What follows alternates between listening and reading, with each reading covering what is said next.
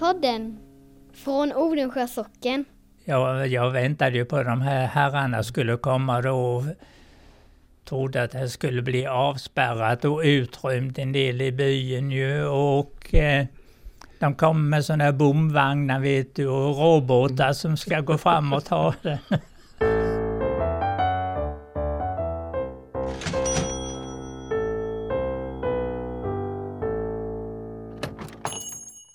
Ja, välkomna till Hembygdspodden igen. Förra gången handlade ju den om vårt affärshus här som har funnits sedan 1932. Den gamla affären i Odensjö som numera har blivit ett lanthandelsmuseum. Och det har varit många nu som faktiskt har fått se det här också sedan vi sände vår podd. Visst är det häftigt? Ja, vad roligt att det var så många som kom. Vilken här jätterolig dag det Mm. var. Och jag- alltså jag, jag är så imponerad. Är så, själva platsen? ja. ja, det är så fint. Men jag menar, jag gick ju där och handlade då till Göta stängde. Det var ju min affär under rätt många år.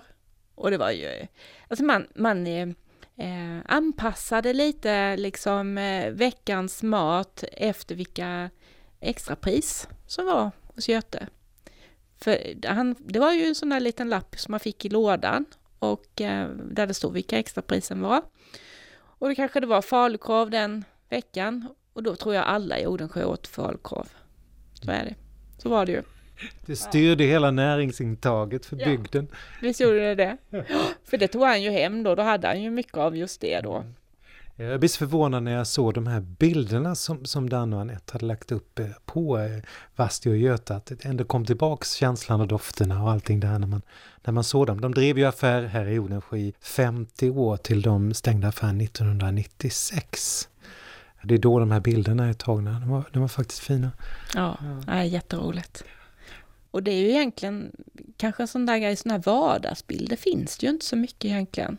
Eh, Det har vi ju problem med lite. Ja, det ska man egentligen uppmuntra folk att de tar lite bilder på varandra när man i vardagen, när man jobbar eller hemma och gör något särskilt, kanske mata fåglarna eller ja, vad som helst.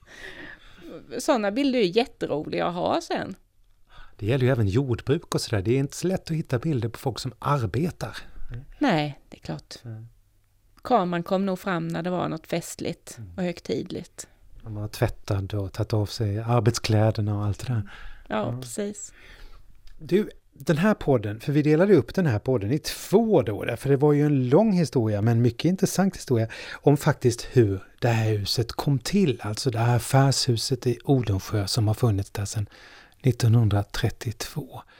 Ehm, det är många vändningar i den här historien, men kan man lita på att de är sanna de här historierna? Vi sänder ju ut en hel del alltså. Ja du, alltså jag tror man får ta dem med en nypa salt. Jag menar det är ju så beroende på vem det är som berättar. Vad har de för förhållande till den här historien och de människorna de berättar till om och ja. Alltså nej, nej man får nog ta det med en nypa salt. Men viss sanning är det ju säkert i alla. Ja. Någon sanning finns det ju. Det är ju inte så att folk sitter och ljuger medvetet tror jag, men, men det är klart historier får sina egna liv har jag en känsla av efter ett tag sedan. Ja, det tror jag med. Och så läggs det på lite och dras ifrån lite och så kryddar man dem för att det ska bli lite mer spännande att lyssna också. Ja, för det ska ju vara roligt att lyssna också. Ja, visst. Ja. Ja, den här gången handlar det i alla fall, Hembygdspodden, om hur det hus som vi brukar kalla Götes här i Odensjö för det mesta, det gamla affärshuset, hur det kom till en gång 1932. Och det här är en historia om kärlek, blockader, ja det är allt möjligt. Och det berättas av Gunnar Jönsson. Och den här berättelsen om Gustav Persson, den börjar faktiskt med hans far, Noak Persson från Vret som bestämde sig för att en dag fick det vara nog med det här livet på de karga tegarna i Småland. Han bestämde sig för att göra någonting helt nytt. Och framtiden, den låg på andra sidan Atlanten.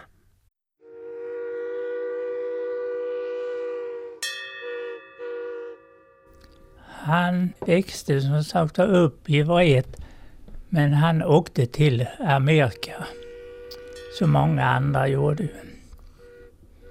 Han hade dessförinnan kontakt med en flicka ifrån Tannåker.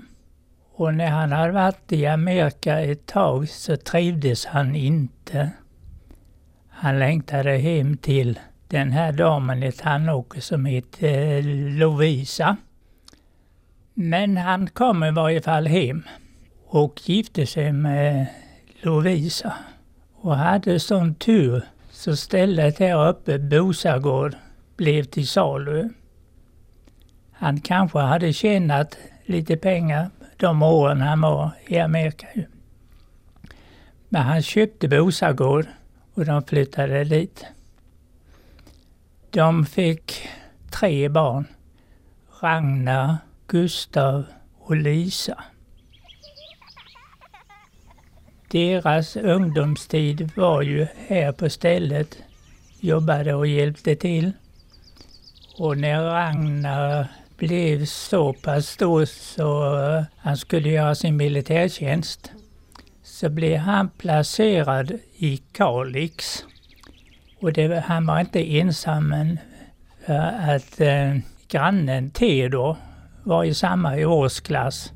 Så han var också i Kalix och gjorde sin rekryt. Det var 1917. Det närmade sig väl slutet på första världskriget.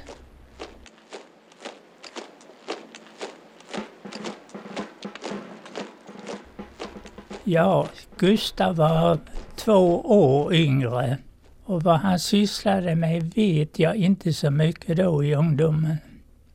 Men eh, Noak hade då planer på att bygga en lager här uppe.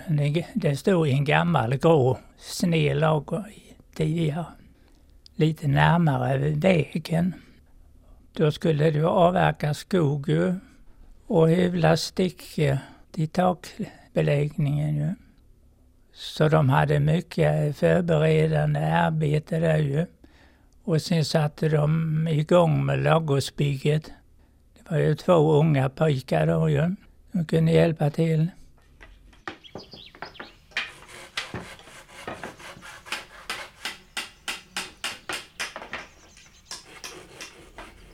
–1921 stod lagen färdig. Ragnar fick jobb i Stockholm. Så han var där väl ett antal år och jobbade tillsammans med en ungdomskamrat från Torap.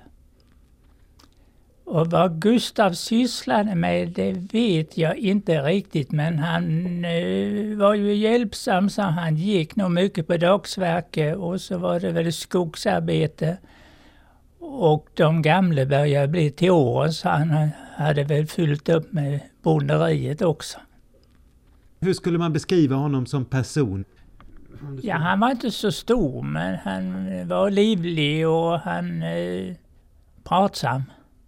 Han pratade gärna gamla historier och skojade och, och klämmig. Hans uttryck det var nästan alltid sinnig.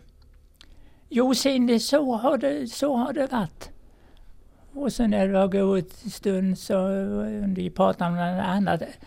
Ja, Cindy, jag ska tala om för er. Så var det. Cindy, Cindy kom ju jämt, jämt. Det stämmer. Mm. Men han var som sagt, han, han var impulsiv och han var klämmig.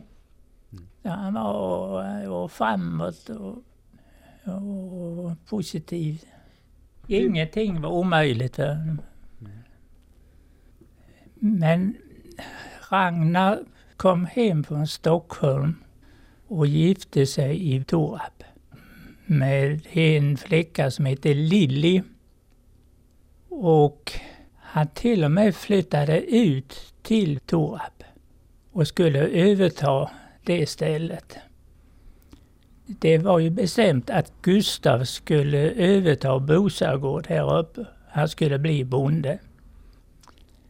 Men när Ragnar hade varit i Torp något år kanske, men så pass länge så Gunnel, första dottern, föddes i Storab, Men inte fått köp på stället. Då hände ju något och det var så att hans arbetskamrat som hade varit med i Stockholm skulle också gifta sig med en syster till Lilly. Och han var ju intresserad han skulle ha fatt ett jordbruk. Han lyckades att få den gamle att skriva på ett köpekontrakt. Ja, Ragnar kom ju hem och mm, beklagade sig ju för Gustav och talade om hur det hade gått, att han var utan sitt bonderi. Då visade Gustav sin eh, broderkärlek, kan vi säga. Han sa till Ragnar att eh, du är äldre och du har kommit längre än jag. Du har fru och familj, så du får överta Bosagården. Jag ger mig ut, jag klarar mig alltid. Och så fick det bli.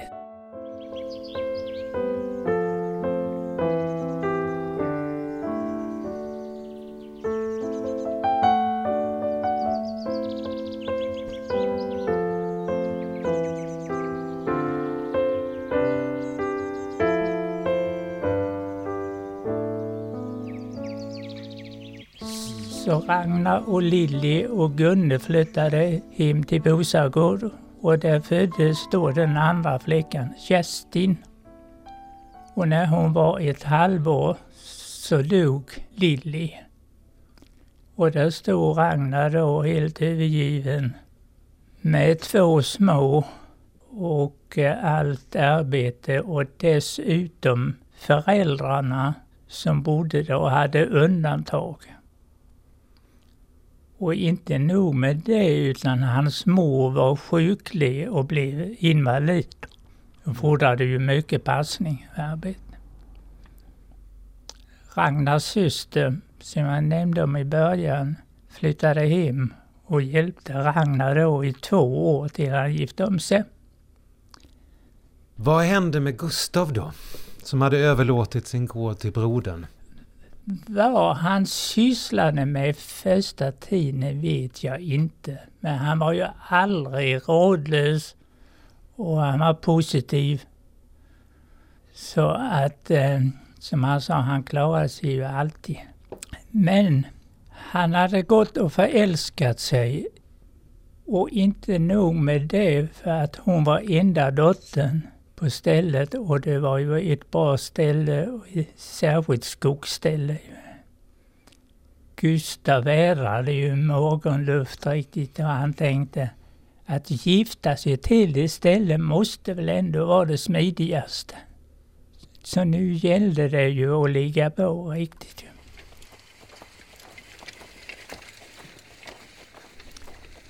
Han uppvaktade allt vad han kunde ju. Och nu gällde det ju att få hennes föräldrar med på noterna också. Så han offrade mycket tid, sa de, med att hjälpa dem och försöka ställa in sig.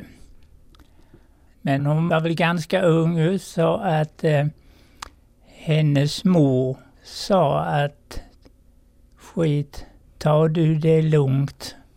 Du blir nog gifte. Det är ingen fara.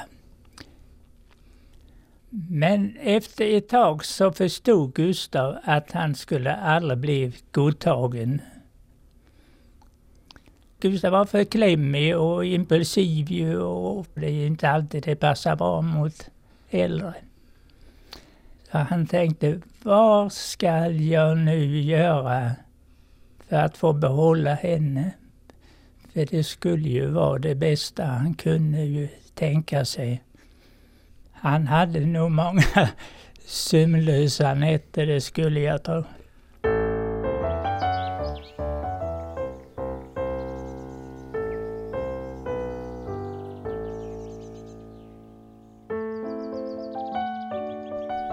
Men han gick och funderade ju.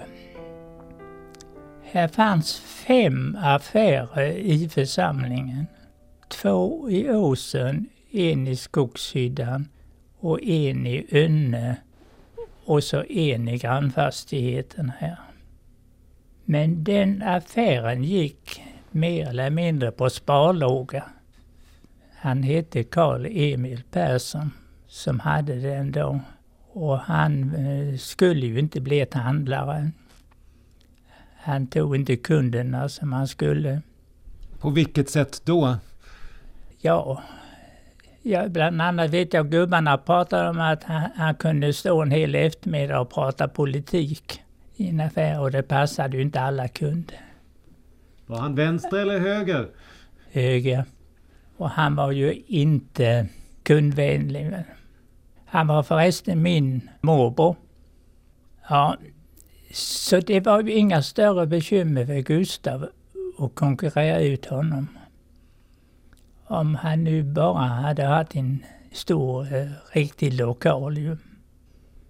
Och för att göra något som absolut inte denna stjärna skulle kunna stå emot, det var ju att bygga ett stort fint hus.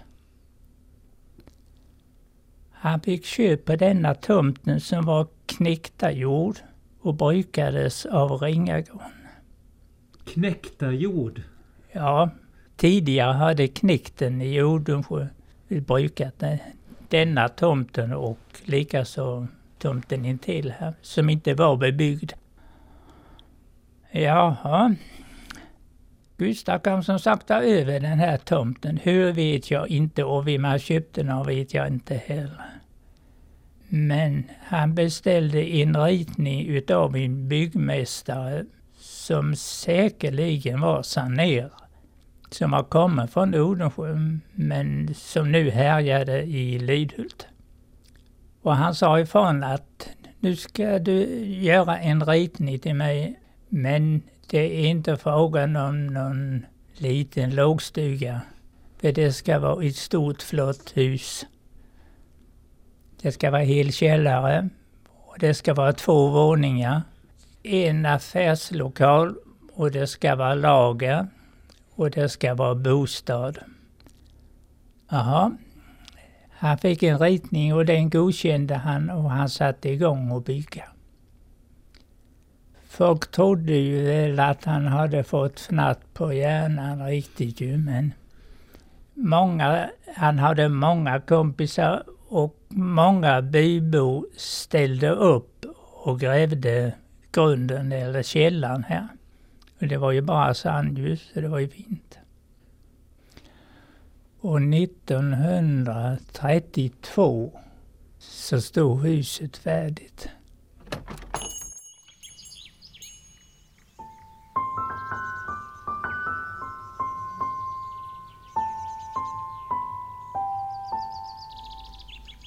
Han hade kontakt och bjöd in henne. Men hennes far sa, det där tror jag inte på. Stora skepp har gått i sank förr. Ta du det lugnt, Så han fick aldrig tag på henne. Ja, där stod Gustav nu. Hade fått affären färdig och fått tag på lager och satt på sin affärsrock som handlarna ofta hade då ju. Och kunderna började strömma till ju. Men det var knepigt för många bybor för de vågade ju inte lita riktigt på Gustav.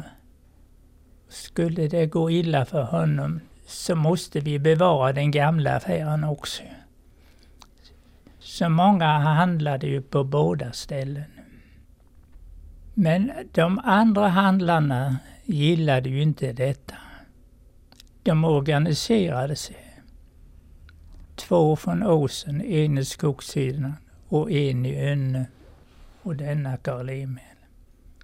Och sa till sina varuleverantörer att lämnar ni varor till den nya affären i Odensjö så kommer vi inte att köpa någonting. Utan vi byter då varumärke eller varukedja. Så han blev blockerad. När han hade sålt ut en del av sina varor och beställde nytt så fick han inte något.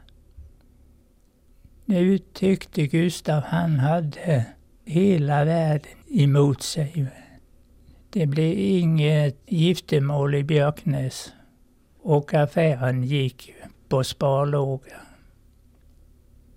kanske sista gången som han uppvaktade henne. De sa, det var en söndagkväll, han cyklade utåt. När han kom in en bit på vägen så stod där en bil. Han visste vem det var. Det var en utav de andra som hade kommit före. Gustav var för sent ute.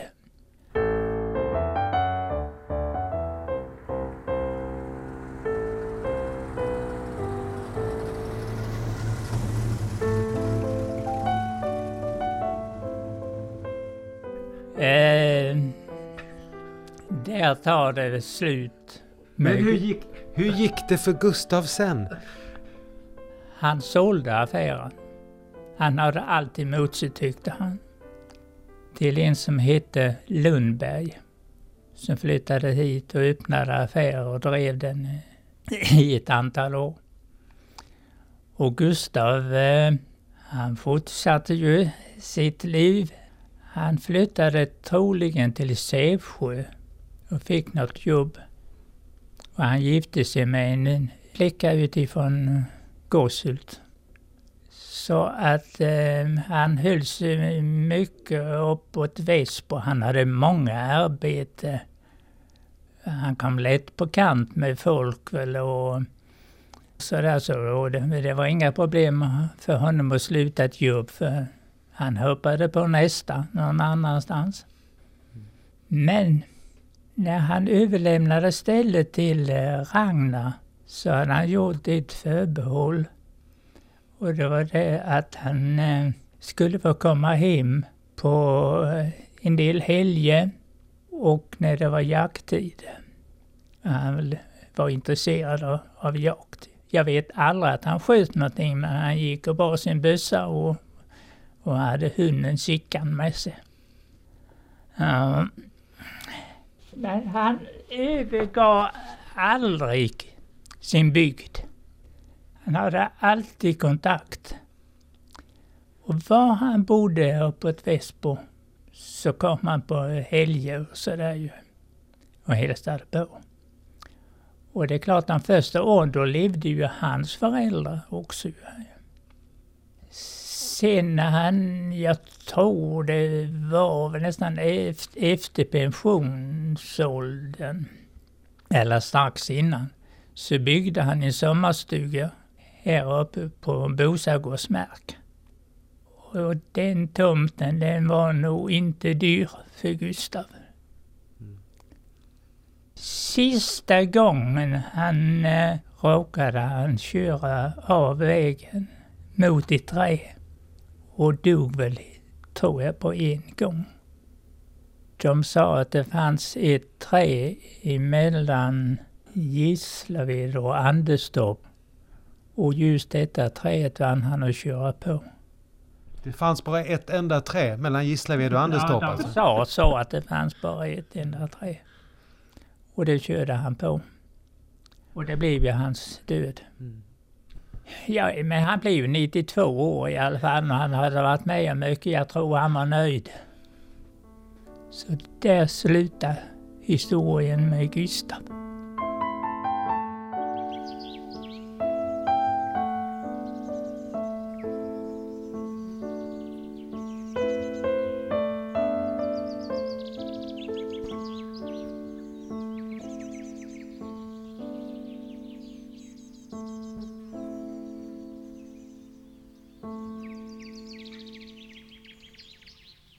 Ja, det här var alltså berättelsen om Gustav Persson som byggde affären i Odensjö 1932. Och det gick ju inte så bra. Nej, det gjorde ju inte det. Stackarn. Tänk vad han kämpade ändå. Han försökte verkligen och sen, nej. Nu har jag ju letat bilder på Gustav Persson. Det var min själ och dag inte lätt att hitta bilder, men vi hittade hans bröllopskort. Och vi hittade också bilder från jakter i Odensjö då, där han var ofta. Men han såg väldigt lycklig ut. Han, han gifte sig med en Karin sen och levde ett bra liv, tror jag. Ja, ja precis. Jag menar, livet blev ju säkert jättebra. Men sen att han inte lyckades så himla bra med affären, det, ja, det blev som det blev. Nu ska vi fortsätta med en annan historia. Ja, gode tid. det här är ju en historia som säkert kommer gå till historien och säkert en sån där som kommer att kryddas några gånger om, kan jag tänka mig. Det kommer bara bli bättre och bättre. Det var nämligen så att huset byggdes ju 32, men det kunde också ha exploderat förra året. Kanske, eventuellt, om vi hade haft otur. Och det här är berättelsen om det. De får berätta själva. En dag, det var under krigsåren, så gick här en militär här ute. Ryktet gick ju genast att Lydia hade skaffat fästman. Om han var sergeant eller fanjunkare kommer jag inte ihåg. Men det var en stor reslig herre. Med en riktigt präktig skärmmössa. Som du. Ja, och han återkom ju varje helg men nästan ju. Där ju. Så de förstod ju att nu var det allvar. Nu hade Lydia kommit i giftans tankar. Och så blev det också. Han hette Sefors. Och hon var ju inte så gammal som vi trodde. Hon fick en liten flicka i alla fall. Men han lämnade ju något efter sig också här. De höll på att röja ut en del i källan. Och då kom Thomas hit och inspekterade. Och det var ju intressant så han fall på knä framför en skrothög där nere ut med en vägg och plockade fram en del grejer. Och vad fick han se? Det var ju något som såg ut som riktig ammunition ju. Så springer han ut och upp och han, var, han skalv. Titta, titta, vad är detta? Vad är detta? Jag såg genast vad det var. Det var en granat. För att när jag gjorde, ja inte lumpen, men när jag gjorde eh, repmånaden så var jag skjut på en sån här PV, alltså pansarvärnskanon. Och det var just sån, eh, sån ammunition. Det var tre kilo krut i en sådan landning. Jo, här blir ju lite uppståndelse ju eh, om vad detta var. Och eh, det, nu får vi vara försiktiga. Så Thomas han, han la den och han åkte gärna hem också tror jag. Men vad hände med granaten? Jo, då tog jag kontakt med polisen. Det var väl första steget. Ja, först ville de att jag skulle kontakta upp i Stockholm på Armémuseet. Ja. Just för, för jag skickade över bilden till Armémuseet på den här granaten då. Och eh, efter någon dag så fick jag ju svar där och de sa rör absolut ingenting. För detta kan vara farliga grejer. Och sen googlade jag lite på bilder runt omkring och då hade det varit en liknande historia uppåt landet. Och då hade de fått spärrat av, jag tror det var 400 meter i omkrets. Mm. Och detta berättade jag för dig. Och då säger du bara, ja men det, då ska vi ha roligt i midsommar. Det blir ju avstängning av vägen, både mot Unnaryd och Lidhult och Lyckna. Ja, vi sitter i ett vägskäl. Jag råkade att lägga in den i uthuset här i alla fall. Och efter några dagar så var den i vägen så jag fick hoppa över den. Så jag flyttade den. Och då sa ändå Dan, vad, vad riktar du den på för håll? Jag riktar den mot Löckna. Du riktar den mot Löckna? Ja, det skulle jag inte ha sagt på den här byvandringen för bakom mig stod Billy Björk. Från Löckna? Jag fick en knuff i sidan. Så sa han, håller du Odensjöboarna för att vara så mycket bättre än Löcknaboarna? Nej, det är väl ingen skillnad, sa han.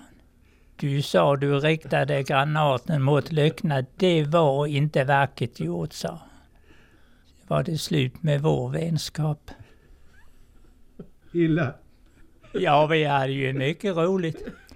Bland annat kom Göran i Moanäs som sysslar just med sådant, med vapen och grejer. Kom precis hem från Afghanistan vill jag minnas. Han, han var ju vass som bara den på vapen. Ja. Han vågade inte gå nära. Han stod långt ifrån. Detta det är inga leksaker, sa han. Och vi sträckte ju på oss. Jag visste ju att det, eller förstod att det måste ju vara tom för den var ju så lätt. Tre kilo krut vet du, då var den rätt så tung. Men spänningen var ju roligt.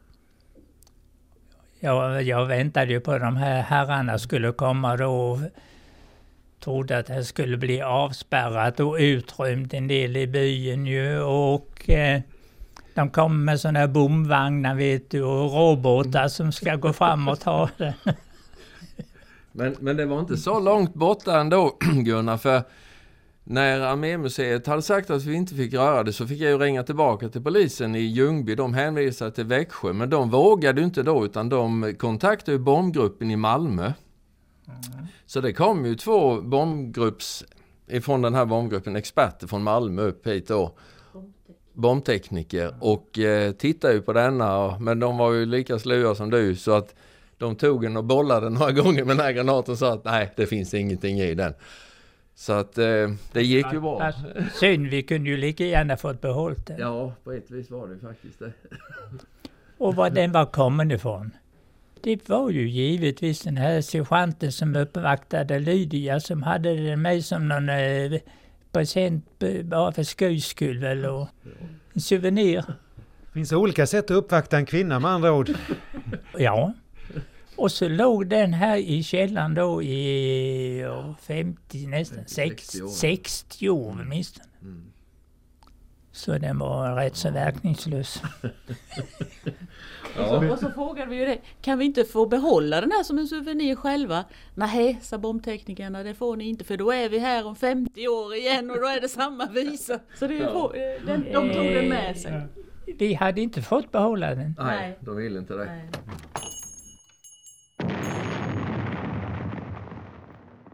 Det var allt för den här gången, men vi kommer ju förstås som vanligt tillbaks. Vad ska vi göra nästa gång? Ja, det lackar ju mot jul. Gör det. Det gör det. Ja, så då får det ju bli lite julstämning tycker jag. Jag tycker också, det är mys liksom. Och jag menar, det, det har vi ju. Vi, alltså, julmys finns det. Och julhistorier och, och lite, ja, lite sägner och sånt där om jul också. Och någon liten tomte kanske. Vi kommer också höra lite grann från förra helgen tror jag i den podden om, om när vi hade jul i Odensjö. Välbesökt evenemang här i Odensjö då vi var bland annat i Medelbergsstugan. Eh, så vi kommer nog att vara lite där också tror jag. Bland allt julpynt ni satt upp, för ni pyntade hela den här vår gamla hembygdsstuga med, med gammalt julpynt va? Ja, det gjorde vi. Det blev jättefint. Alltså det, det är så mysigt där nere. Mm. Det är ju inte sån här Disney jul, utan det är ju gammaldags jul. Mm. Med fina ljusstakar och levande jul, ljus och lite småtomtar och, och en liten gran och sådär. Synd för er som inte var här i Odensjö då och såg det, men ni får komma igen nästa år för jag tror det kommer tillbaks till evenemanget. Men jul blir det alltså nästa gång från Hembygdspodden. Ha det nu så bra hörni. Vi hörs!